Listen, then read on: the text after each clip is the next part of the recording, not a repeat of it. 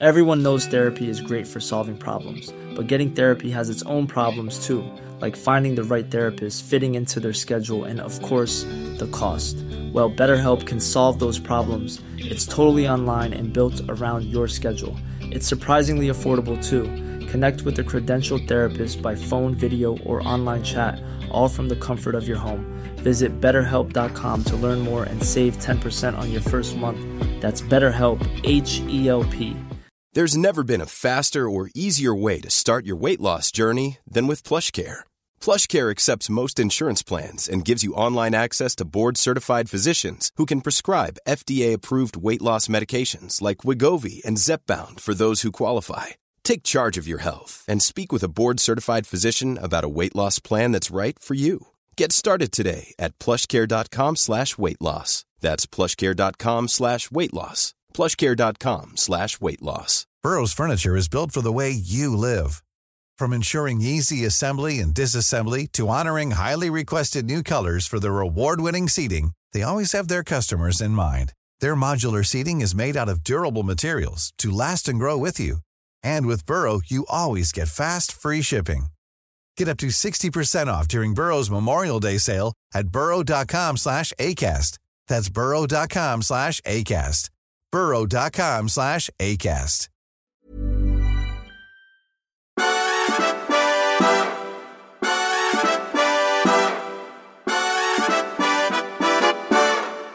God morgon. God morgon på dig. Det är sen frukost idag va? Ja, det är sen frukost. Men det beror på att vi börjar jobba så tidigt. Ja, just det. Oändliga Zoom-möten och en brandskyddsinspektion. Ja, en, en kille i, i eh, hantverkarbyxor och vä- väldigt eh, gulröd bil som körde upp här och klättrade upp på vårt tak. Och, Utan blå. Han vad hade blåljus men de var inte på. Så det, var, det brann ingenstans. Nej. Han var väldigt, alltså sotare är väldigt rena nu för tiden. Alltså, Mm. man Han har känslan att förr i tiden så var de ju lite, Skulle de skrämma barn sådär? ja just det, sotan ja. Det går inte längre. De, ser, och de är väldigt ordnade och Mm. Snygga och nystädade.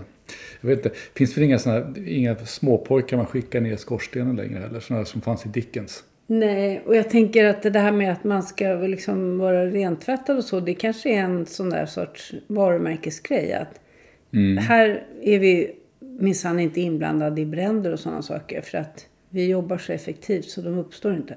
Ja, just det. Det är mycket förebyggande. Ja. Och sen, Men det kanske också lugnande så att man ska släppa in dem och inte vara rädd för att hela huset ska bli fullt med sot. För de är väldigt noga med, när de väl sotar, eh, då, då är de ganska noga med, de har ju dammsugare och saker så att liksom allting, det blir inte mycket smuts inte. Nej. Ja, vi ska kanske inte fördjupa oss för mycket i, i, i skorstensfejarnas yrke. Nej, Men det, nu, när, det- nu när det händer så mycket intressant i politiken. ja, just det, det också. Ja. Pratar om Annie Jag, Lööf? jag pratar eller? om Annie Lööf. Ja, just det. Jag, jag, alltså jag, det är fascinerande. Det är fascinerande att höra på henne. Men i morse, låt säga vi har väl, vad är det, tre veckor kvar till valet. Så hör jag henne i P1 eh, bli utfrågad. Och det är alltid tråkigt att bli utfrågad av två personer. Det kan, det kan jag hålla med om. Men alltså, har ni inte redan börjat komma in på ett väldigt tillrättavisande sätt och humör? Hon, hon avvisar ganska mycket av frågeställningarna och... eh, Men det har ju att göra med, alltså hon har ju, hamnat, hon har ju manövrerat in i ett väldigt konstigt läge. Det finns ju bara två, egentligen två ställen som, som förstår. Det är bara hon och DN, ledarsida. Det är bara de som, som tycker, alltså DNs ledarsida var jätteskojig igår när då Annie Lööf hade sagt att hon vill ha Magdalena Andersson som statsminister. Den typen av besked som alla sagt att du kan ju inte låtsas som om du kan välja fritt utan du får väl tala om vilken sida du står på. Och alla har ju förstått att hon är eh, bakom Magdalena Andersson. Men nu sa hon det formellt. Och DN har hela tiden sagt att hon behöver inte alls säga det. Nu när hon sa det så här, nu har hon sagt det. Nu måste Ulf Kristersson välja. Man, jag fick liksom lov att lä- Välja vadå? Ja, jag vet, jag fick lov att läsa ledaren två gånger innan jag förstod. Men det är så här, de är så fast i en helt annan verklighetsbild. Att det är därför det blir så där när hon blir utfrågad. Att hon måste liksom ställa om alla frågor därför att hon Mm. lever på en annan planet. Ja, och eh, jag menar det som brukar korrigera partier och partiledare det är ju opinionsmätningarna och de har ju liksom halverat sitt väljarstöd från förra året. De Ja. var ju faktiskt uppe på 10 procent och det kan vi inte påstå att de ens är i närheten av. Så att det är ju, det är ju väldigt riskabla Eh, och långsiktiga projekt som man ger sig in på om man ska liksom ställa om huvudet på folk. Ja, jag tänkte gräva i det där lite grann om, om ett tag. Kanske efter valet i fokus. Men, men det är ganska intressant hur det här partiet har utvecklats. Jag tror att det är en kombination av saker. Jag tror att det är, alltså dels är det här med Stureplanscentern. Där, som ju ofta beskrevs liksom mer sociologiskt. Att det var människor som svirade just runt Stureplan och hade, var storstadsmänniskor som, som skulle ta över. Men det intressanta med det där var ju liksom att Stureplanscentern var ju ideologiskt driven. De var ju liksom väldigt starkt ideologiska liberaler. Mm. Och det var ju det nya liksom i Centern som hade varit ett uttalat pragmatiskt parti. Man brukade garva åt Centern förut för att det var det enda partiet utan ideologi. De försökte hitta på mm. den där... Eh, Kohandel. ja, och de skulle liksom hitta på så här, decentralisering eller human ekologi vad det nu var. Men, men, men, men det var ju den skillnaden. Men sen tror jag det finns, och det har ju drivit på det här. Sen tror jag det finns andra grejer. Jag undrar om det inte spelar roll att de är så vansinnigt rika. Mm. Alltså där, de sålde ju Centerpressen och blev miljardärer. De är ett av världens rikaste politiska partier. Mm. Och på något sätt så är det, jag tror inte det är en bra grej för ett politiskt parti att ha fuck you-pengar om man säger så. Nej, att det är man, ingen bra idé. Man är inte på en sån marknad nämligen. Då kanske man lockas att, över, att, att uppfostra väljarna snarare än att fånga dem. Vad man brukar säga om dem är väl att de då också haft kapacitet med hjälp av pengarna att beställa oerhört mycket opinionsundersökningar. Mm. Ja. Och, och de borde ju vara otroligt nedslående för partiet. Så att det, det är liksom... De är väldigt bra. Fast det blir väl just den här krocken då liksom att okej, okay, folk tycker så här, men de har ju fel. Hur ska vi ja, få dem att... Exakt, och det är någonting annat än att vinna val. Ja, att tala om för folk att de har fel. Det här ja. är ett långsiktigt projekt som går ut på att eh, människor ska till sist se ljuset och att Annie är ja. Eh, den som bär, så att säga, ibland, facklan. Och ibland är ju sånt rätt. Jag menar, Churchill hade ett drag av det där. Som liksom var den enda som hela tiden talade om att det här med Hitler är ett problem. Vi kan inte... Mm. Uh, Margaret Thatcher hade ett sånt drag. Uh, mm. och, så ibland, och ibland får ju sådana personer rätt. Men i det här fallet undrar jag. Alltså det är ju så väldigt otydligt vad deras mm. eh, så fall kärnbudskap är. Det är ganska svårt för folk att förstå. Ja, så är det. För att båda de här exemplen, Churchill och, och Thatcher, de var ju väldigt tydliga med vad de ville istället. Alltså Churchill mm. var ju tydlig med att vi måste liksom ta strid mot, mot Hitler. Mm. Eh, och, och, eh, och Thatcher var ju tydlig med att okej, okay, vi får ta strid med fackföreningarna.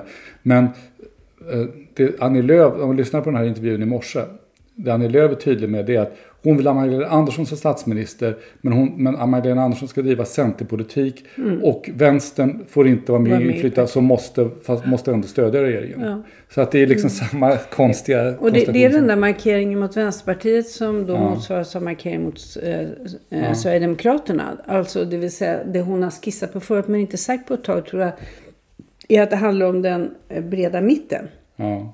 Och den breda mitten har ju blivit det smala Centerpartiet. Alltså det är ju väldigt lite kvar där. Ja, och nu har hon ju i praktiken övergivit det eftersom hon säger liksom hon har valt statsministerkandidat enligt den höger-vänster-skala som alla andra också liksom lever i. Men, Men hon det... kanske tror att hon ska reformera Socialdemokraterna. Har du på det? Jag vet inte, det är möjligt. Men det är, jag vet inte riktigt, alltså jag tycker väldigt, men det är väldigt intressant. För det, jag tror jag har aldrig sett någonting liknande i ett politiskt parti förut. Det är liksom, man har också sett på de här värderingsförändringarna. De är ju faktiskt uppmätta ordentligt. Att mm. det, hur snabbt Centern har rört sig på de här värderingsmässiga skalorna. Mm. Så att från att ligga någonstans i närheten av, ska vi säga, eh, KD och, och, och Liberalerna till att nu komma mycket närmare Miljöpartiet och Vänsterpartiet och värderingsfrågor. Det är ganska intressant. Mm. Tycker jag. Jo. Men jag tror att det, det jag, tror, jag känner att det är mera Olof Johansson än Margaret Thatcher i den här strategin. Om det är någon som minns honom. Det vill säga helt verklighetsfrämmande. Jag har Johansson som han Ja, Johansson. Nej, men sen var det faktiskt så att hon också efterlyste lite av alliansen ja. i den här intervjun. Vilket gjorde det hela ytterligare förvirrande. Ja. Jag, förstår, jag förstår faktiskt inte. Ja, det är någon bubbla. Alltså, det finns en... Det, jag, igår gick jag och funderade på ett eh, talesätt Nämligen skam den som ger sig. Mm. Det, jag tycker det är egentligen ganska underbart. För att den, den är väldigt den är fördömande egentligen. Alltså det, det, man kunde säga istället är ju trägen vinner. Mm. Det skulle kännas lite sådär. Mm. Ja men det, det, är lite folkligt och vi är lite positiva och vi tror på vad vi gör. Men skam den som ger sig. På något sätt får jag den associationen till Annie Lööf nu. Skam den som ger sig. Mm. Det, det kostar blod, svett och tårar. Det kostar eh, trovärdighet. Det, det, det kostar alltihopa. Men skam den som ger sig. Och vad ligger det i skam den som ger sig? Ja, jag tror att det är, jag tror att det är just det här. Jag tror att Centern när de valde väg eh, och, och, och spräckte alliansen eh, och liksom skenförhandlade med sina alliansvänner samtidigt som de gjorde upp med sossarna. Det var, det var ju en grej som skapade en otrolig bitterhet i de andra allianspartierna. Och det ledde ju i sin tur till att Centern kände sig otroligt utsatta efteråt. Därför att det blev Det så kallade centerhatet. Centerhatet som det heter. Och det där tror jag, det där är nog en del i förklaring till den här skammen som ger sig. Att Mm. när man har, känner sig Utstött. utsatt. Ja, då blir det på något sätt alla tecken på att man gör fel. Alla tecken på att andra människor säger det här är inte bra. Blir då sin motsats. Det betyder att man måste ha rätt. Därför att det är det som håller ihop gänget. Liksom. Vi, är, vi är Centern. Alla som är emot oss har per definition fel och är illvilliga. Och därför måste, ju fler som är det, desto mer säkert är det att vi har rätt. Eh, Jag tror att det är någon sån där... Och då blir det ju skam den som ger sig. För att om man då ger sig, då har man liksom... Visat att man tänkte fel från början. Och det vill man inte visa. Ja, eller att man, har, man ger upp det som var så viktigt. Jag vet inte. Ja, vi kommer säkert få Vi får ge oss, hörru. Vi Ja. får ge oss. Ja, vi ger oss. Är Utan någon som helst skam. Känns det som. Ständigt och ja, jämt. det är sånt i livet. Vad sitter du och bläddrar i? Ja, men du, vill säga någonting, det ser jag på ja, dig. Ja, jag vill ju det. Nej, men när, jag, när jag tycker att den här, Mm. den här verkligheten känns för overklig, då flyr jag in, nu för tiden, just nu i alla fall, i en underbar bok från 99 som heter The Way We Lived Then av Dominic Dunn. Och för de som inte vet vem Dominic Dunn är så kan det vara så att de kan återkalla minnet av en kille som skrev om sådana här celebritetsbrott och mord i Vanity Fair. Vi gjorde under TV på Gra- också. Graydon Carters eh, sista år där. Och den här killen är otroligt intressant. Han, han, eh, eh, han börjar lite grann som fotograf. Men sen så sk- skriver han och så kallar han boken för Recollections of a well-known name dropper. Och det är liksom exakt så det är. Och han har, han har, förutom att han har bilder, verkar som, från majoriteten av de partierna han varit på, så har han fotat inbjudningskorten som han också verkar ha sparat på. Ja, det är väldigt kul. Och sen får man såna där... Och det här är New York va? Eller Behind- nej, Los det här är? Los Angeles. Los Angeles ja. behind the scenes eh, med, från det där skvallret som man vill veta. Eh, hur folk eh, gick tillväga när de eh, blåste en kompanjon eller skilde sig för sjuttonde gången eller någonting i den där stilen. Han, han, han känner gången och, och då hör det till saken att han också var väldigt uppburen ett tag och, och blev bjuden till alla de här festerna. Tills han började dricka och droga för mycket och då föll han och han blev arresterad eh, för innehav av illegala droger på en flygplats. Oerhört offentligt.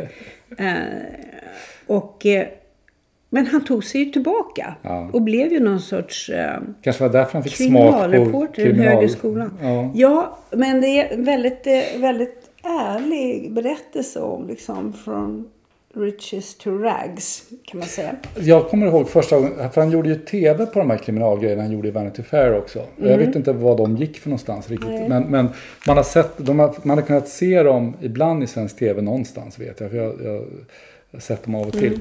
Eh, och det är någonting roligt med det. Alltså jag kommer tänka, han är som en överklassens Brynolf Wendt. Kommer du ihåg Ja, Brynolf jag Wendt som, som satt i, på Efterlyst eller vad det var? Han var polis. Ja, och liksom och, och aldrig, aldrig eh, eh, väjde från de här liksom moraliska övertonerna. Och det finns ju någonting sånt i Dominic Dunn också när han berättar de här historierna. Det finns en sedelärande... Gör det. Ja, det tycker jag är lite kul. Man kan göra fel och så kan man göra rätt. Ja. Och det är bättre att välja att Ja, göra ja men det är roligt. Det är lite grann så. Och sen alla dessa vackra svartvita bilder Ja, på ja, alla dessa glamorösa människor vars Mm. håruppsättningar liksom måste ha kostat en förmögenhet Mm. under en livstid. Alla dessa snygga hus med alla dessa blomsteruppsättningar. Mm. Ja, Det, är, det är snyggt. Folk poserar ridande eh, och rökande till exempel. Sådana grejer. Det, du vet. Ja. jag, jag, jag kopplar verkligen av eh, The Way We Lived. Kanske Dominic Dunn. Dominic Dunn heter han. Ja.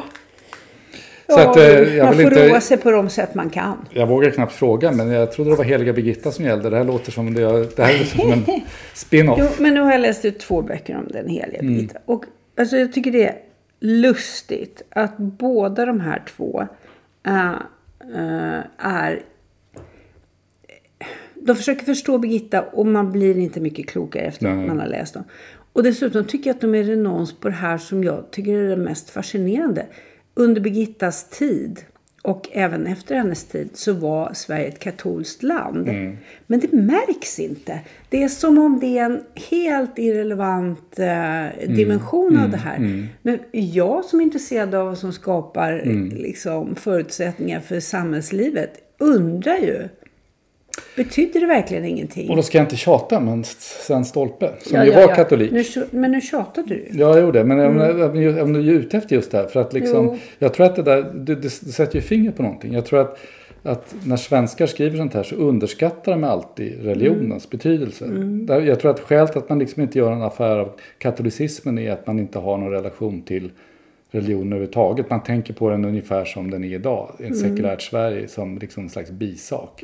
Det var det ju inte då. Nej, och sen är hon en sån komplicerad person. Det Mm. finns ju väldigt mycket dokumentation därför att eh, hon hade ju sina, eh, hon hade ju sina uppenbarelser. Mm. Och de var ju ofta ganska dramatiska. Hon kunde ju tala om för påvar och alla möjliga Ja. människor att de skulle dö om de inte gjorde som eh, hennes uppenbarelse hade visat att de borde. Ja. Och hon...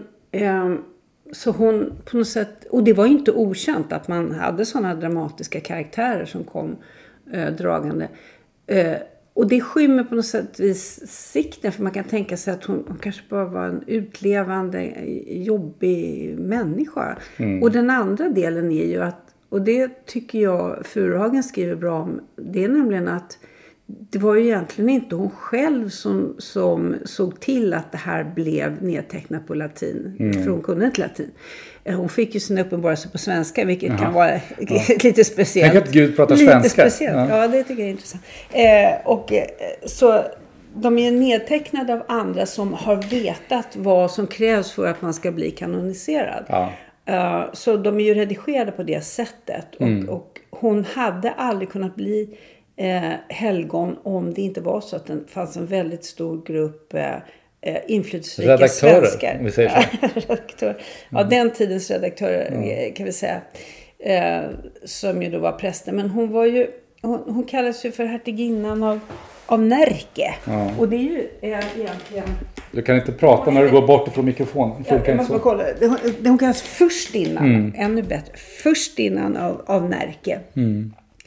Och det är ju... Eh, hen, eh, Furuhagen pratar mycket om hennes sociala relationer och vilka personer hon kände. Och hon var ju av en, en eh, släkt som var, som var väldigt inflytelserik. Så att hon var van vid att bli lyssnad till. Kan man säga. Vi kan väl lägga till det också. Det var någon, någon lyssnare som, som eh, em, tyckte att vi var oklara och, och trodde att vi skulle tro att eh, Heliga Birgitta träffade Gustav Vasa. Men Och blev, det, vän, och blev vän med ja, honom. eftersom det är nästan 200 år mellan dem så eh, det är svårt Nej. att missa om man läser om henne. Men det du menade var ju mer att, att eh, hennes arv var ju så starkt. När Gustav Vasa 200 år senare, eller 250 år senare skulle, göra, skulle reformera Sverige. Att det- han, han vågade sig inte på eh, liksom det som hon kloster, Nej, hon vågade sig inte på hennes, det var ju mera det. Så hon var en nagel ögat på makthavare långt efter sin död. Även efter sin död. Det är inte illa. Det är inte illa. Det önskar man ju att man var själv Mm. lite grann, eller hur? Ja. Då får man väl försöka anstränga sig för Nej, det. man är knappt när man lever ens.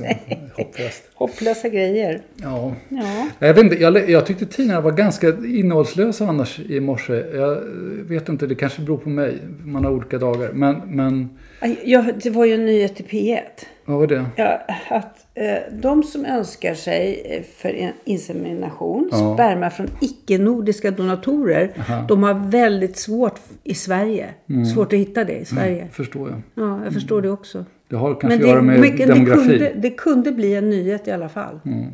Det är ju det. Alltså, är det tillräckligt många som jobbar i ett yrke så går det alltid att sysselsätta alla genom att hitta på någonting. fram en nyhet. Ja. Jo, en sak som jag, vi kan väl nämna då som jag tycker var väldigt tråkigt som jag fick reda på igår morse när en reporter från Dagens Industri ringde mig att Thomas Fischer eh, har drunknat i Sankt Bart, i sitt hem i Sankt Bart.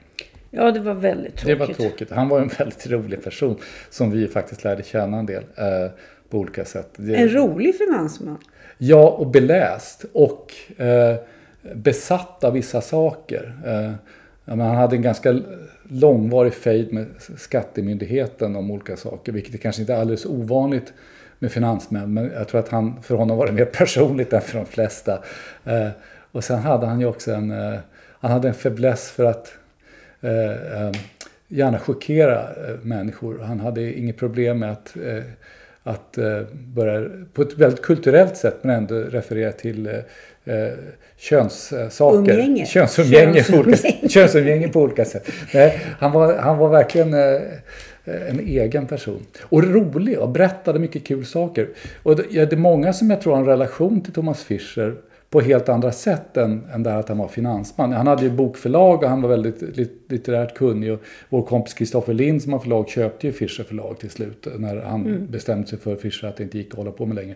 Men han donerade ju till exempel stora pengar till eh, Folkets hus uppe i Kramfors tror jag det är. Där min mamma kommer ifrån. Så liksom där har ju folk en relation. För han växte upp där. Eh, och där kan han ju berätta fantastiska historier om hur det var när han, han var född 40 tror jag eh, när han växte upp där och hur, hur liksom tydliga klasskillnaderna var i, i, i den här bruksmiljön. Hur äppelträd till exempel hade bara de som var liksom lite högre upp på tjänstemannaskalan. Vilket ledde till att arbetarungarna skulle palla äpplen då i deras trädgårdar. Och saker. Han hade mycket, eh, och en del kanske var lite skrönartat. Men eh, han var någonting, alltså om man ska försöka sätta finger på vad han var för typ av människa skulle jag säga att han var han var liksom en, en centraleuropeisk intellektuell i Sverige.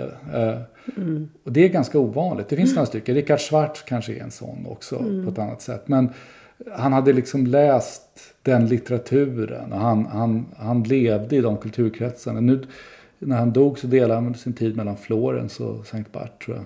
Han hade, bodde i Florens ganska länge. Ja, Ja, det är tråkigt. Man kommer att sakna honom. Samtidigt måste jag säga att liksom, han var 81 och ska man dö på något sätt så det det här var ju en mer passande död för honom än att han skulle ligga, bli sängliggande och förlora dramatik, huvudet. Ja, en viss dramatik och liksom, det finns något, ändå något slags storslaget, i Storslaget, det. där Ja. har du rätt i. Ja. Men tråkigt är det ändå. Mm. Ja, vi har hållit på här nu. Nu slutar vi liksom på en ganska tråkig ton här. Men det är så Men ibland. Ibland är livet ju livet, ja, På det sättet. så är det. Ja. Vi säger så då. ja, vi gör väl det. Mm. Eh, vad ska vi göra idag då? Ja, vi ska... Ja, vi är bortbjudna på middag. Ja, vi ska på middag ikväll. Ja, det ska vi. Ja, vi ska ta ut bilen och putsa den innan vi kör iväg. Nej, det ska vi inte. Det ska vi inte. Jag har nej. inte tvättat bilen på två år tror jag. Eh, Men du, det är i varje fall skönt. För det, nu har vi några dagar. Jag tillhör inte den som får ångest så fort det är 25 grader varmt. Tvärtom. Alltså nu, har vi i varje fall haft, nu får vi så här tre, fyra sommardagar i varje fall. Det är ganska bra för att vara svensk sommar. Det, det Som det. annars, där den Ja. svenska sommaren är den bästa dagen på hela året. Ja, precis. Red top, ja. Men, Det, nej, men det här är... Jag tycker det är underbart. Och eh, om man hinner kanske man till och med ska åka ner till stranden en sväng. Kanske Och det. bara sitta där Mm. och läsa. Bra idé. Vi säger så. Ja, vi gör det. Hej. Hej.